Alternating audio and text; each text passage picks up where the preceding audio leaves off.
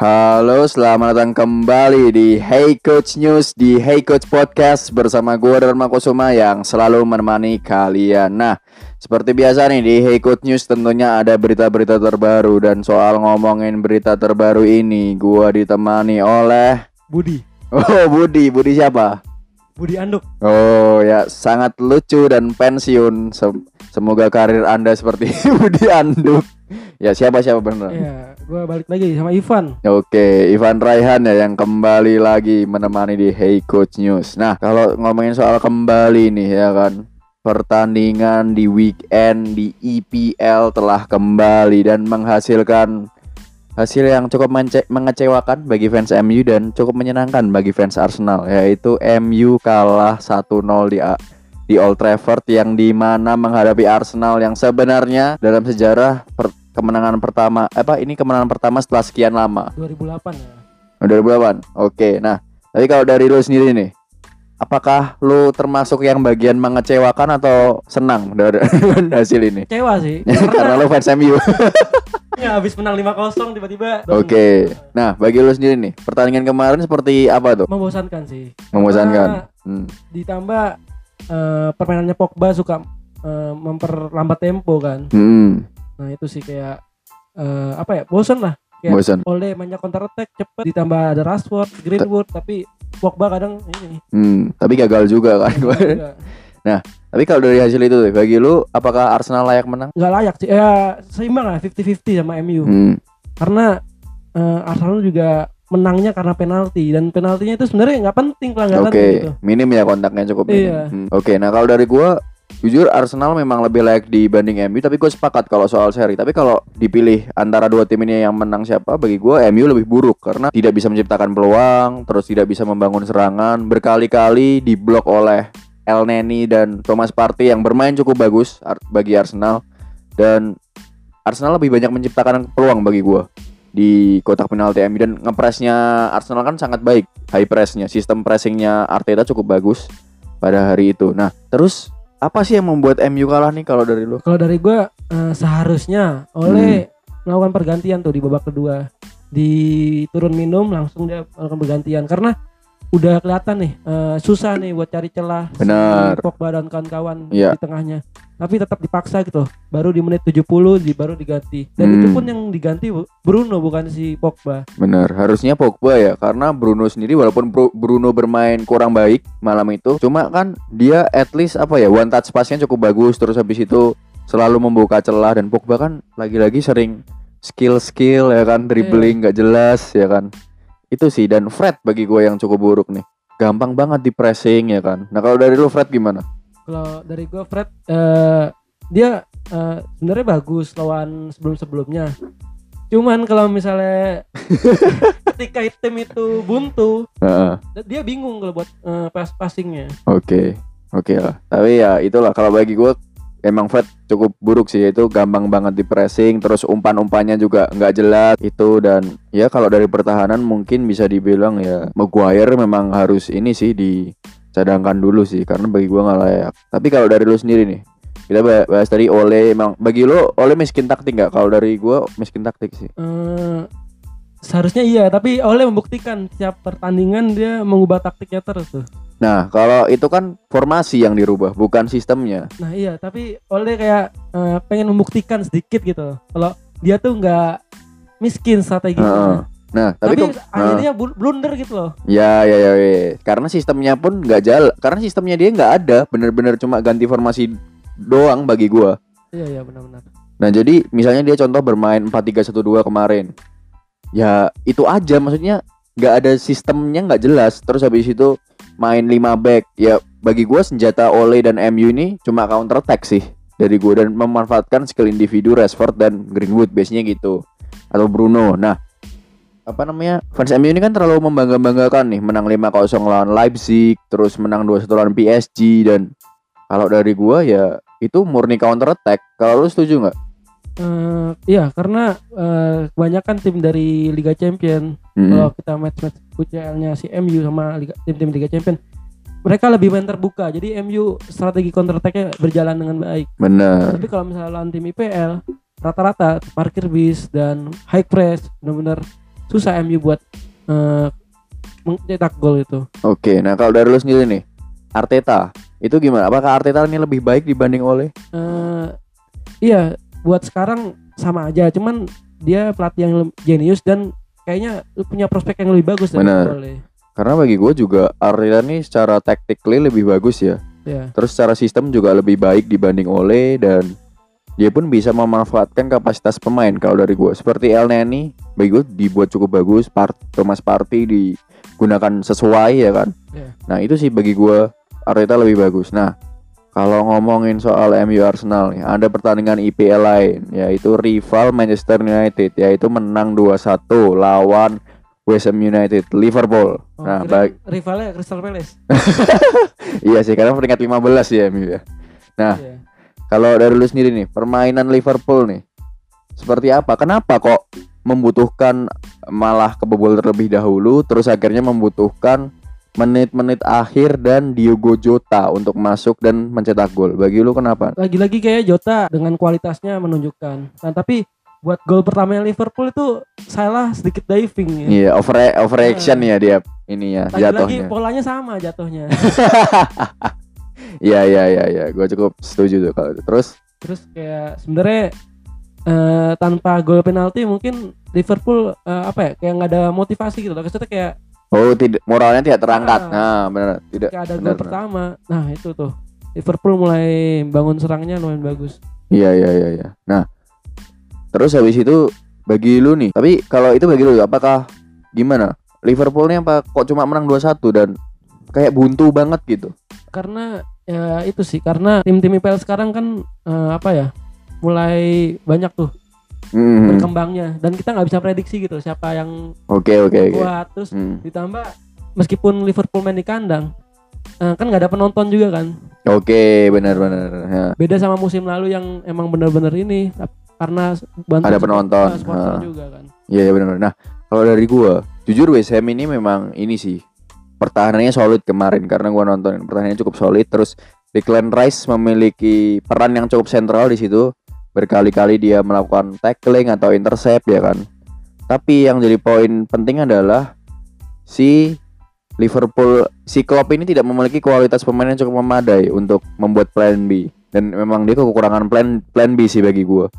Mungkin cuma Thiago yang harusnya itu main di Liverpool tapi karena lagi-lagi ini ya apa namanya Thiago masih cedera dan masih belum bisa nih tampil lawan West Ham United. Tapi bagi gua front Liverpool nih Salah, Firmino, Mane ini harus dirotasi sih harus diganti sesekali.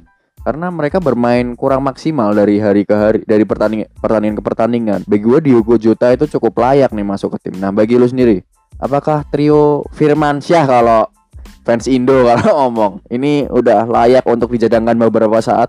Ini sebenarnya gue lebih setuju salah yang dicadangkan karena salah beberapa kali dari musim lalu agak menurun tapi kayak Hmm, tetap dimainkan gitu Oke, ya, ya sih. Benar bagi gua ya mungkin dicopot dua atau satu aja ya. iya benar Seperti Diogo Jota bagi gua layak untuk dikasih kesempatan kalau bagi gua.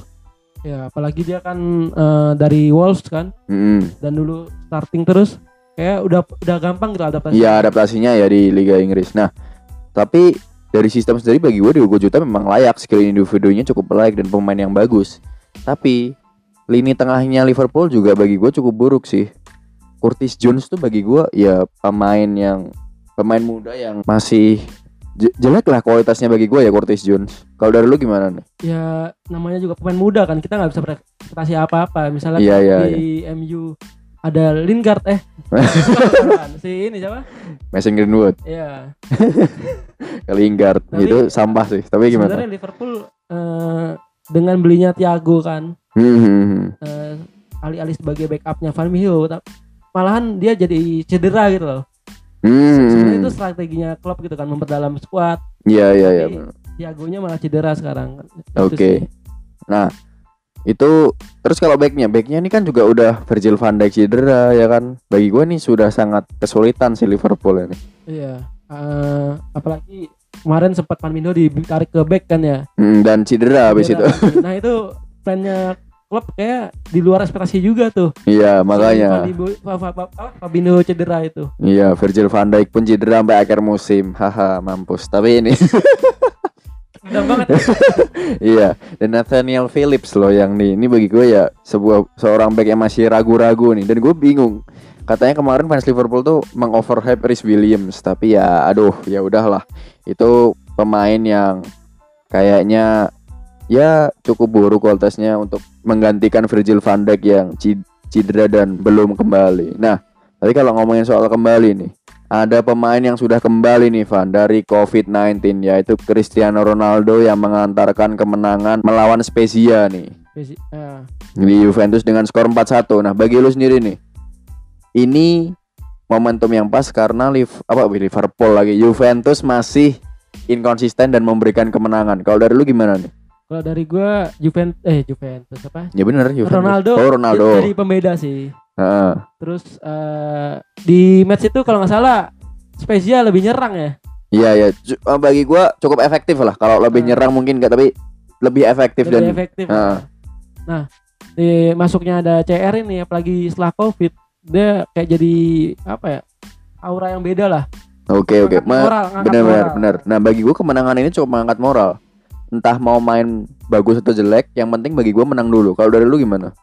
Kalau dari gua eh, iya itu benar. Apalagi Milan dengan tren positif kan. Nah, Nah, dia mesti banyak ngejar ketinggalan tuh. iya benar. Tapi di sini kan Morata juga ngegolin nih. Iya. Ya bagi gua Morata itu striker yang mungkin ini bisa dimanfaatkan oleh Pirlo sih. Gue juga cukup bingung karena Morata tiba-tiba jadi bagus ya karena ya mungkin ini bisa dimanfaatkan Pirlo kalau misalkan benar-benar Morata ini cukup bagus gitu loh bagi gua.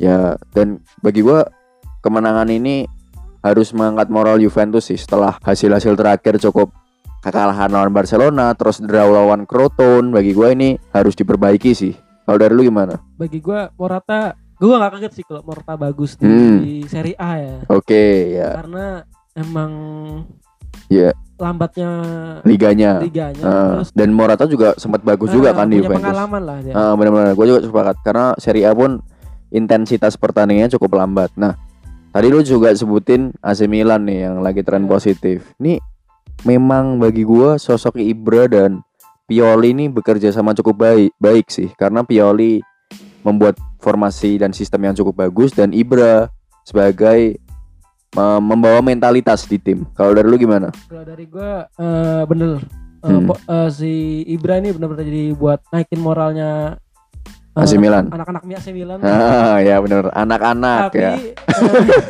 yang gue garis bawahi ketika Zlatan nanti udah pergi atau pensiun, apakah Milan tetap Nah, Ini. itu itu itu. Gue juga cukup sepakat. Karena Ibras ini kan udah umur 40 tahun nih. Udah Iya. hampir 40 tahun lah.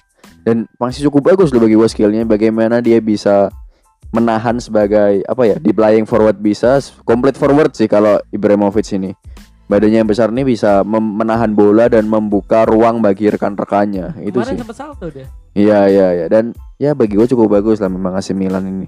Nah ngomongin soal Ibra nih, Ibra kan pernah mengalami momen terburuk di Barcelona. Barcelona mengalami kekalahan menghadapi Alaves 1-0. Nah, Ini kayaknya bagi gua nih penyakit Barcelona mulai kambuh lagi yaitu terkena counter attack dengan begitu mudah. Kalau dari lu nih Van, menunjukkan apa ini? Kekurangan Barcelona lagi kah atau gimana? eh, dengan mundurnya presiden kan Terus apa moral? Bukannya seneng skuad Barcelona? ini apa Messi terancam Messi terancam apa? terancam bakal dibuang enggak sih menurut gua eh, ya ini sih masih in- inkonsisten aja dari Barsanya karena eh, belum padu aja Sama strateginya pelatihnya ya. pelatihnya apalagi Kuman kan baru kan Iya dan bagi gue banyak pemain yang cukup inkonsisten ya dan kenapa ya Pjanic ini tidak diberikan kesempatan?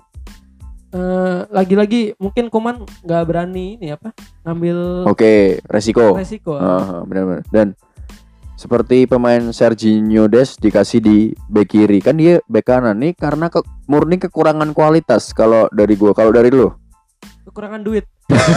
Benar sih itu juga. Ah, Tapi- kabarnya kan mau dipotong gajinya iya iya iya Bar- eh, pemain Barca. Ah, benar-benar. Dan bagi gue ya itu sih karena kayaknya juga bingung juga nih kualitasnya pemain Barca ini kok cukup buruk. Dan Pjanic bagi gue kok nggak dikasih kesempatan nih kenapa gitu. Walau padahal di Juventus kemarin di lawan Juventus dia bermain cukup baik sih kalau dari gue.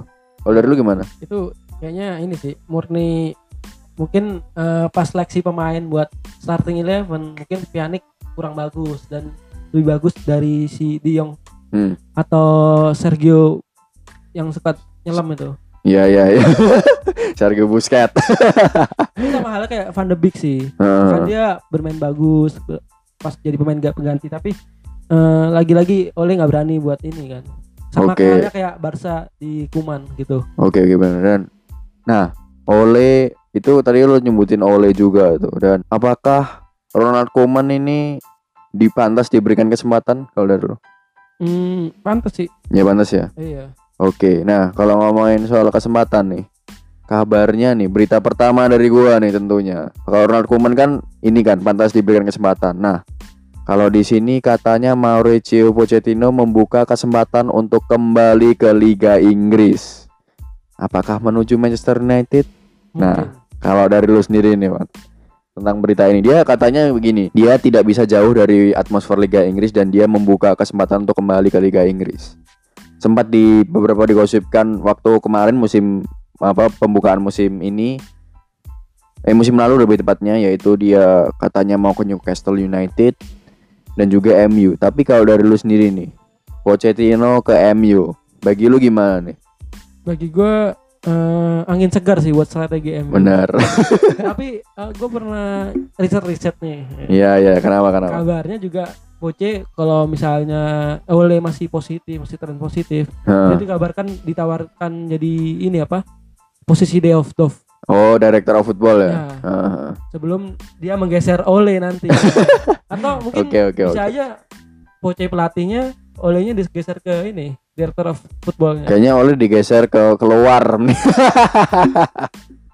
Iya iya iya. Nah, tapi kalau dari gua sangat cocok sih Pochettino itu melatih MU karena pertama taktiknya luar biasa. Dia seorang pelatih yang kaya taktik, terus memiliki sistem yang cukup banyak, dia bisa bermain menyerang ataupun counter attack dan sangat entertaining. Apalagi juga beberapa pemain mantan pemain Tottenham sempat mengatakan bahwa Pochettino itu juga seorang pelatih yang sangat dekat dengan pemainnya secara individualis gitu dan bagi gue ya ini cukup cocok dengan MU dan gue memang salah satu fans MU yang memfavoritkan Pochettino ini untuk menjadi pelatih MU. Kalau dari lu gimana? Apakah lu memfavoritkan dia? Iya sih eh, dari lihat permainannya apa Spurs kemarin Hmm. eh lumayan lumayan hidup lah dibanding ada Mourinho di Spurs di sekarang. Hmm. Ya, Oke. Jadi, mungkin kemarin eh, nggak beruntung aja sih Ponce pas akhir apa akhir-akhir musim kemarin. Eh, Pas- akhir-akhir karirnya Iya, maksudnya. karirnya. Iya sih, kalau dari gua ya ya sama. Mungkin Pochettino di Spurs ini memang bagi gua ya sudah waktunya karena pemain terkadang juga cukup bosan untuk apa namanya eh, terus berada di pelatih yang sama. Lima musim loh Pochettino di apa Tottenham Hotspur nih dan kualitasnya bagi gua sangat layak karena berhasil mencapai Champions League final kan. Kalau dari lu sendiri gimana nih? Eh, apa ya? Kalau Poche itu Poche kan ya? Hmm, Dia ini sih apa? Bisa tuh apa? Memanfaatkan pemain-pemain yang ada. Tapi yang gue takutin ketika Moce masuk eh Poche kan orangnya gampang pakai pemain yang ada nih. hmm, Nah, nggak terlalu mendesak manajemen MU buat belanja. hmm. Pada akhirnya ya main itu itu aja yang dimanfaatin. Oke Ya, oke oke. ya. Takutnya apa ya manajemen Ya akhirnya segitu-segitu aja Nah, kan. manajemen MU kayak santai-santai aja Oke. transfer gitu sih. Nah, iya sih bagi gue ya mungkin itu bisa jadi. Tapi kalau ngomongin Pochettino ke MU dan menggeser Ole bagi gue sangat layak. Kalau dari lu gimana? Eh, layak sih. Layak Tapi, ya. eh, kita lihat dulu eh, apa match berikutnya buat dari Ole ini. Nah, kalau dari gue secepatnya aja sih. Karena memang gue menyukai gaya permainan Pochettino dan Tapi pas nanti Poche bermain jelek gimana tuh? kalau Pochettino bermain jelek nggak masalah. Kalau misalkan di awal- awal-awal apa namanya? Di awal-awal kepelatihan dia kalau dia ke MU Hmm. di awal pertandingan bagi gua nggak masalah kalau bermain jelek tapi yang jelas pasti visinya dan taktiknya lebih berubah dan kalaupun kalah nggak masalah kalau misalnya mainnya ada progres dan perkembangan ya Kalaupun degradasi, nah kalau itu ya janganlah harusnya enggak sih harusnya enggak dengan kualitas pemain MU Pochettino gue yakin bisa lebih memanfaatkan dibanding Ole oke kalau dari lu sendiri nih apakah ada berita kedua Kalau dari gua berita kedua calon presidennya Barcelona, Siapa tuh? Reira. Oke. Dia Kenapa? Kenapa dia? bilang ke media dia nggak bakal ngasih spesial apa? Eh perlakuan Treatment? khusus Ah, ke Messi kalau bakal dimainin terus atau yang lainnya. hmm. Akankah mu- Messi, mungkin Messi ini bakal keluar dari Barca musim Oke. depan. Nah, Hmm. kalau dari fans Barca sendiri mungkin bakal apa ya? Sedih nih ya. Oke, iya, rela. benar, benar, Menurut benar. lu gimana nih? Kalau dari gua ya kalau misalkan Messi memang sudah tidak perform dan bagi gua Messi memang mengalami penurunan dan selayaknya klub sebesar Barce- Barcelona seharusnya memang tidak memberikan perlakuan spesial kepada Messi sih kalau dari gua. Ya itu benar tuh. Karena di sini apa?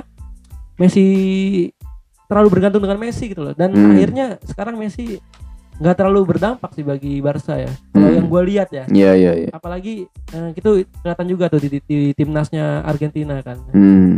Nah, ya itu kalau dari gua ya memang seharusnya klub sebesar Barcelona tidak perlu bergantung kepada Messi dan kalau kan misalkan kampanye itu kan masuk kampanye ya, kampanye calon presiden Barcelona tersebut seperti itu ya, bagi gue itu cukup benar kalau dari gua dan ya Messi memang sudah mengalami penurunan. Kalau misalkan dia mengancam untuk pindah, ya udah pindah aja nggak apa-apa.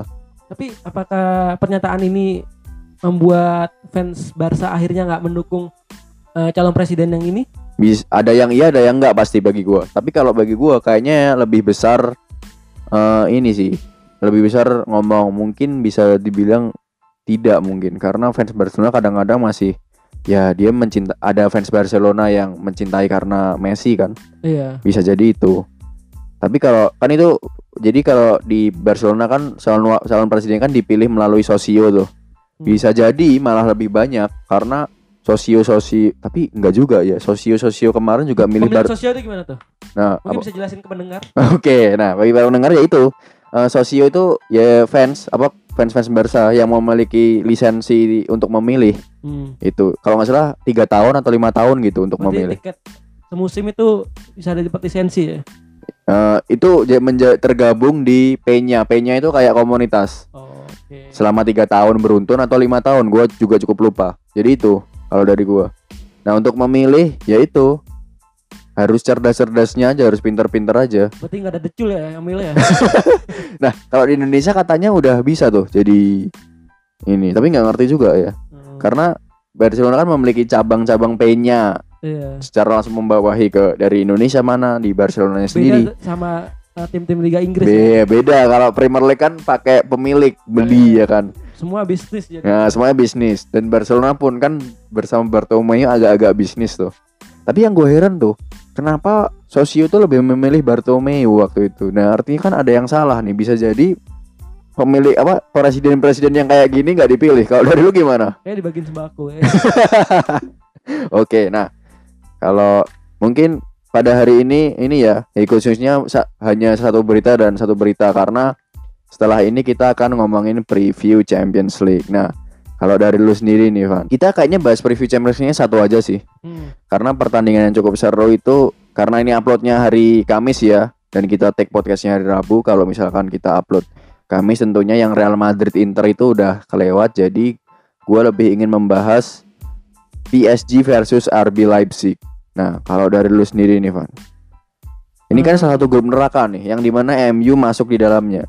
Ya, ya, Dan. PS, PSG musim lalu berhasil mengalahkan Leipzig di semifinal Champions League.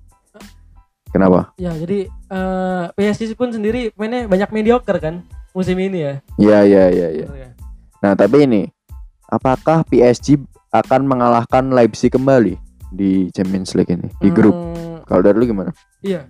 Karena eh, Leipzig eh, meskipun nggak ada no Werner nih, Nah, eh, kayaknya masih bisa adaptasi gitu, loh, masih bisa eh, ngalahin PSG gitu. mhm. Terus alasan kedua tuh pelatihnya Na- Nagelsmann ya. ya, ya, Dia punya taktik yang eh, ya memang, lah. ya memang benar, Hah, Dan memang kebetulan kemarin lawan MU kurang beruntung aja sih Nagelsmann. benar-benar. Dan tapi kalau ini bisa jadi PSG yang, tapi gue tetap memfavoritkan PSG karena Leipzig sendiri beberapa pertandingannya cukup menurun yaitu kemarin kalah melawan Gladbach dan MU tapi kalau lawan MU bagi gue murni counter attack-nya MU dan Leipzig memang harus lebih fokus dalam sistemnya bagaimana bisa berjalan dan gue cukup sepakat kalau Nagelsmann memang eh, seorang pelatih muda yang kayak taktik karena memang walaupun tanpa Werner dia itu tidak bergantung dengan pemain, dia bergantung dengan sistem. Memang dia menjalankan sistemnya apa pun pemainnya. Kalau dari gue sih itu. Tapi kalau ngomongin soal Nagelsmann yang orang Jerman di PSG juga pelatihnya orang Jerman Thomas Tuchel dan bagi gue Thomas Tuchel memang sa- juga merupakan pelatih salah satu pelatih terbaik di dunia ya saat ini yang Iya. di mana taktiknya cukup banyak juga dan nggak bisa diremehkan gi- bagi gue sih kalau tapi kalau dari lu nih kira-kira apa yang bisa membuat PSG kalah Eh, PSG kalau salah nggak ada Neymar dia. oh Neymar kenapa tuh Ne- Neymar kena cedera dia oke pas lawan menang 2-0 lawan Istanbul dan eh, Di Maria pun nggak ada juga. Hmm, Nah itu kayaknya jadi peluang buat Leipzig iya ditambah iya Leipzig itu kalau nggak salah banyak pemain Perancisnya. Hmm, Nah itu eh, apa ya? Iya kondisinya karena ada Dayot eh, Upamecano. Chemistry-nya lebih dapat gitu. Oke bisa jadi tapi ya bagi gua mungkin Neymar bisa digantikan Moiskin walaupun ada Icar ya Moiskin sih kayaknya Moiskin bisa bermain terus di Maria Legend Everton. Nah itu bagi gua kedalaman PSG memang cukup kurang sih gua agak heran kenapa dia beli Mo, apa pinjem Moiskin Karena Moiskin lumayan sih sebenarnya. Iya oke talentanya dia lumayan tapi kayaknya PSG bisa deh lebih dari itu iya kan? kayaknya menghemat menghemat anggaran. dan kalau ngomongin Thomas Tuchel bagi gua PSG memiliki tiga gelandang tengah yang cukup destroyer ya Iya, Oke mungkin Neymar bisa diganti Sarabia juga besok bisa bisa. Hmm, Pablo Sarabia. Nah, apa Thomas Tuchel kan sistem tiga gelandang ini cukup bagus nih, yaitu Id- ada Idrissa Gueye, Andre An- apa Andre Herrera dan juga eh kadang bisa Marquinhos dan dan juga Leandro Paredes. Nah itu sih bagi gue ya tiga itu cuma akhir-akhir ini kayaknya PSG juga kehilangan beberapa pemain yang lu sebutkan juga Iya. sehingga memainkan Danilo Pereira terus ada Alessandro Florenzi dan kalau ngomongin soal PSG pemain mediocre bagi gua nggak nggak nggak mediocre juga sih karena bagi gua cukup bagus lah pemainnya PSG ini Tapi kenapa kalau pemain PSG main itu ya, Heeh, misalnya lagi main, heeh. kira-kira mereka komunikasinya pakai bahasa apa ya? eh, tapi enggak beneran pakai Oke. pakai pakai bahasa Prancis. ya pakai bahasa Perancis lah apalagi Apalagi kalau pakai bahasa Prancis tuh secara logika pemain Leipzig banyak yang Prancis kan. oh jadi bisa tahu gitu maksud Nah, lo iya, oke oke oke ngerti ngerti ngerti Sadarnya kosong kan. Iya iya iya Ya, bongsu bongsu. Bunsu gitu ya bagi gua ya cukup masuk akal yang lo mungkin RB Lab kan ada ini apa engku engku juga terus ada Dayot Upamecano ya kan ya Iya. bagi gua Bisa cukup masuk akal cukup masuk akal yang lo walaupun walaupun di luar ini ya di luar logika tapi lo memikirkan cukup dalam tuh pinter ya. biasa aja tapi Iya ya. oke kalau dari gua itu sih preview PSG Leipzig. Dan kalau bagi lo memfavoritkan Leipzig kah tetap atau PSG Leipzig sih. Leipzig. Kalau dari gua PSG PSG mungkin bisa menang tipis lah. Iya. dibanding Leipzig karena Leipzig sendiri lagi menurun juga. Mungkin kalau Leipzig menang bisa hapus podcast ini ya. Enggak enggak. Oke. Apakah dari lo apakah ada tambahan nih? Nggak ada sih. Paling semoga tim-tim IPL menang lah. iya termasuk MU Oh iya termasuk yang kalau MU kalau lawan Istanbul Sahir gimana bubar ya. Oke. Nah, karena kalau dari gua sudah cukup dan Ivan sudah cukup, gue Derma Kusuma signing out. James. Ivan Rahanda say goodbye. Sampai jumpa di episode Hey Coach Podcast berikutnya atau Hey Coach News berikutnya. Goodbye.